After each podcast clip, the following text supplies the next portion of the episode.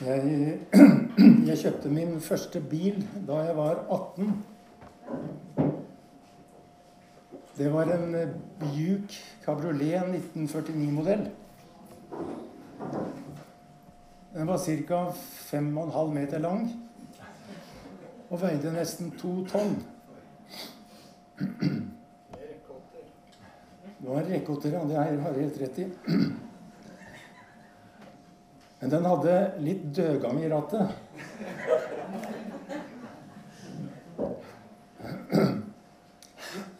Det merka du ved å bevege rattet litt fram og tilbake.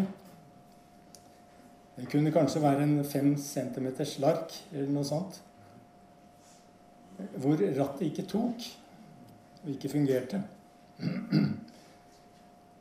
Nå er ikke jeg noen fagmann, men jeg tror at årsaken er som regel slitasje i overføringa mellom rattet og styrestaget eller tannstanga. Og det oppstår et lite mellomrom, en liten glipp, hvor rattet ikke har noen effekt. Og i det lille mellomrommet så er det ingen kontroll, om du vil. I den materielle virkeligheten så er det et godt råd å oppsøke, oppsøke bilverkstedet hvis du har dødgang i rattet. Men som et bilde på den åndelige virkeligheten så kan det være en mulighet akkurat i denne glippa. Det kan simpelthen være et rom for åndelige erfaringer.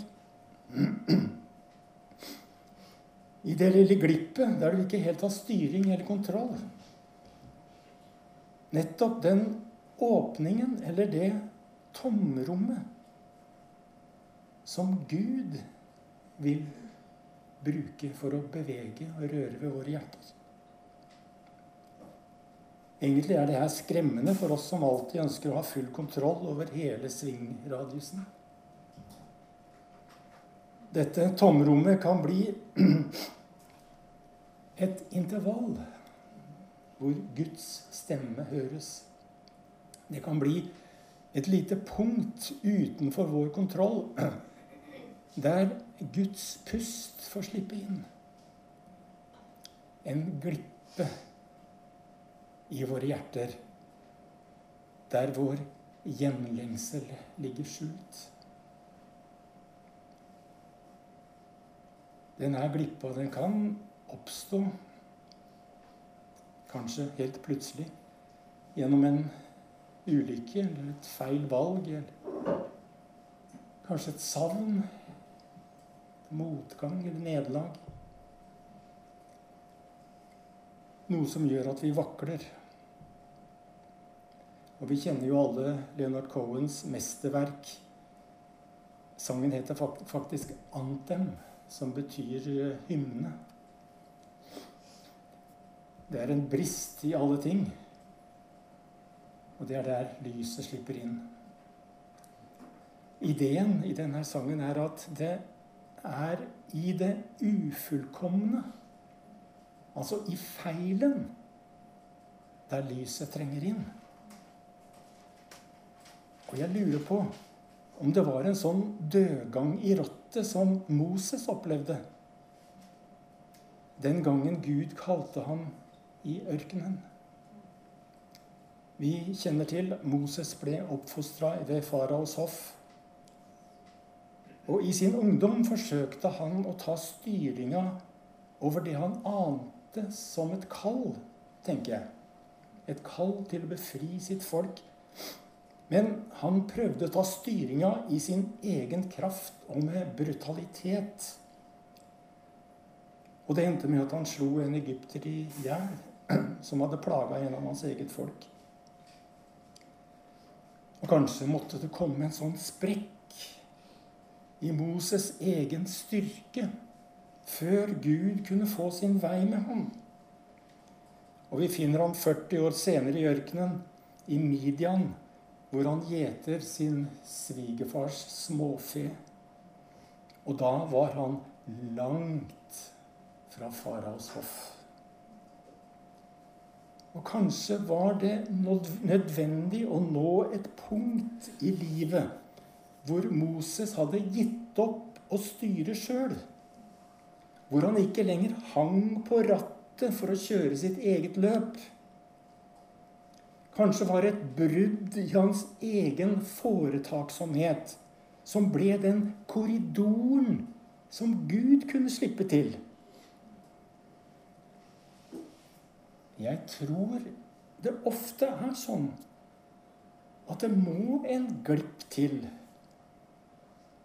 for at Gud skal få aksess eller tilgang til vårt hjerte. Og denne glippa kan arte seg selvfølgelig helt forskjellig fra person til person. Men poenget er at den utgjør en åpning som gjør oss avhengige av Gud på en ny måte. Og jeg tenker at Gud alltid ser etter dette tomrommet. Og han venter på den lille slarken som er utenfor vår kontroll. Der det ikke vi lenger hardt styrer dit vi vil. I Isaiah 57 står det du ble sliten av den lange veien, men du sa ikke 'det er forgjeves'. Hendene dine søkte nye krefter, og derfor ble du ikke svak. Gud ser altså etter svakhet. Og Gud ser mer etter svakheten vår enn vår styrke. Han er mer opptatt av bristen enn av fullkommenheten. Og dødgangen er viktigere enn den maniske styringa. Legg merke til historien om Moses. Når Gud trengte en nøkkelperson for å sette et helt folk i frihet Når han trengte en som kunne ta ansvar for å sette slaver fri og trosse verdens sterkeste mann. Da behøvdes en person som man kunne ha tillit til. Og jeg tenker Hvilken rekrutteringsansvarlig ville satse på en mann som Moses? En drapsmann? Men Gud går ofte utenom allfarvei når han skal finne den personen han ser etter. Og ørkenen Midian var langt utenfor det vi ville regne som et naturlig område å søke etter kvalifiserte personer. Midian er et ørkenområde som ligger øst for Akababukta. Og det er 200 mil fra Gosen, der Israels israelsfolket bodde. Gud går altså utenfor nærområdet og forbi selvklare, de selvklare kandidatene til et ørkenområde hvor Moses hadde flyktet etter drapet på egypteren. Og der hadde Moses levd under radaren i 40 år. Kanskje det vet jeg jo ikke, men kanskje bar han på et opprinnelig kall som var begravd under skuffelser og skam. Og Moses tenkte nok, der han gikk i ørkenen og, gjette småfe, at nå var det kjørt for ham. Men i den glippa, der kom Gud inn. Og da roper Gud til Moses fra en brennende tornebusk. Og jeg undres Tenkte kanskje Moses der og da at nå er straffen for det han hadde gjort, endelig nådd ham hjem der ute i ørkenen. Men Gud kom ikke for å straffe.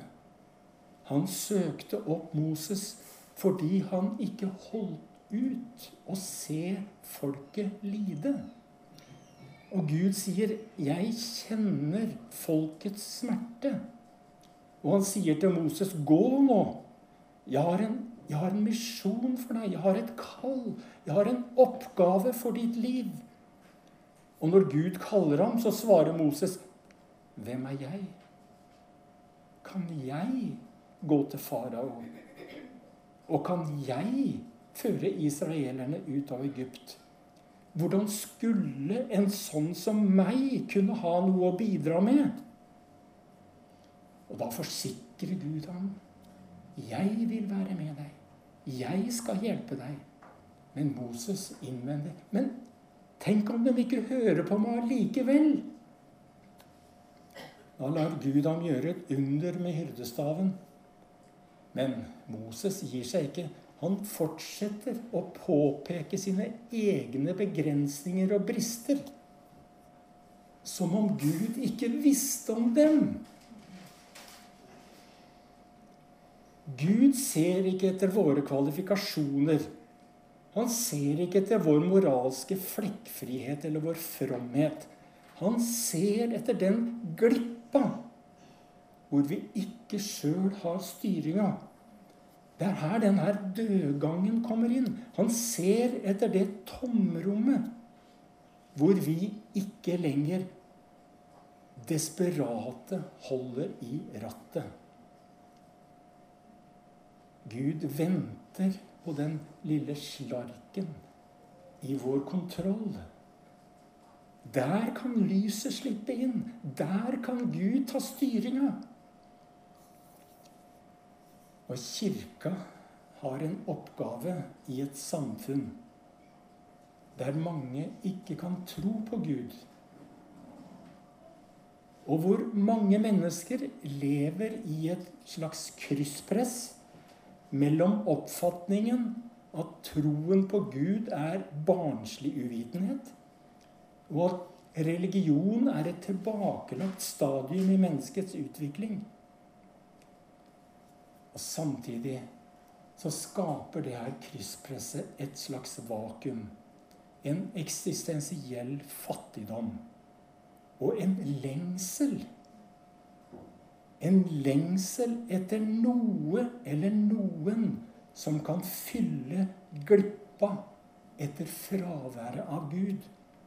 Og denne lengselen er en slags dødgang i rattet, en sprekk i fasaden, et tomrom der Gud kan få anledning til å komme inn. Og hvor et nytt liv kan fødes og vokse fram. For en kristen er ikke først og fremst et bedre menneske, sier biskop Erik Varden. En kristen er et nytt menneske. Og vi skal ikke undervurdere dette gapet i menneskets hjerter som lever med et stort tomrom i dag. Og denne dødgangen, for å bruke det uttrykket, den blir større og større. Og vi kommer til å se et voksende antall søkende og lengtende mennesker som etter mange kronglete omveier kommer til å banke på kirkas dør. Og Gud sier jeg kjenner mitt folks smerte. Og da må vi i kirka, i kirkene, stå klar med det enkle evangeliet. I Jesus Kristus har Gud fått et navn. Og han har fått en skikkelse som ser på meg i øyehøyde. Bibelen sier ingen har noen gang sett Gud, men den enbårne som er Gud, og som er i fars favn, han har vist oss hvem han er. Og det er i dag vi må være åpne for den glippa hvor menneskenes lengsel har rom. Og vi må gi rom for mennesker som er underveis. Og være tålmodig med tanke på at det kommer til å ta tid. Det er kunstneren Barbro Råen Thomassen som sier i Vårt Land for noen uker siden Å gå dypere ned, lengre inn, og være trofast, det er nå vårt oppdrag. Og forfatteren Christian Lundgren han appellerer til at vi skal stanna kvar. Det er også et oppdrag som krever mot stanna kvar. Vi må stanna kvar, folkens, i den tida vi lever i. For det er en stor lengsel som Gud har sett, og som han lider over i det samfunnet vi lever i. Ikke alle skal være Moses. Ingen av oss skal være Moses. Men vi har alle en oppgave. Og jeg tenker hvis Gud kan bruke en 80 år gammel bullheaded drapsmann. Så kanskje han også kan bruke noen av oss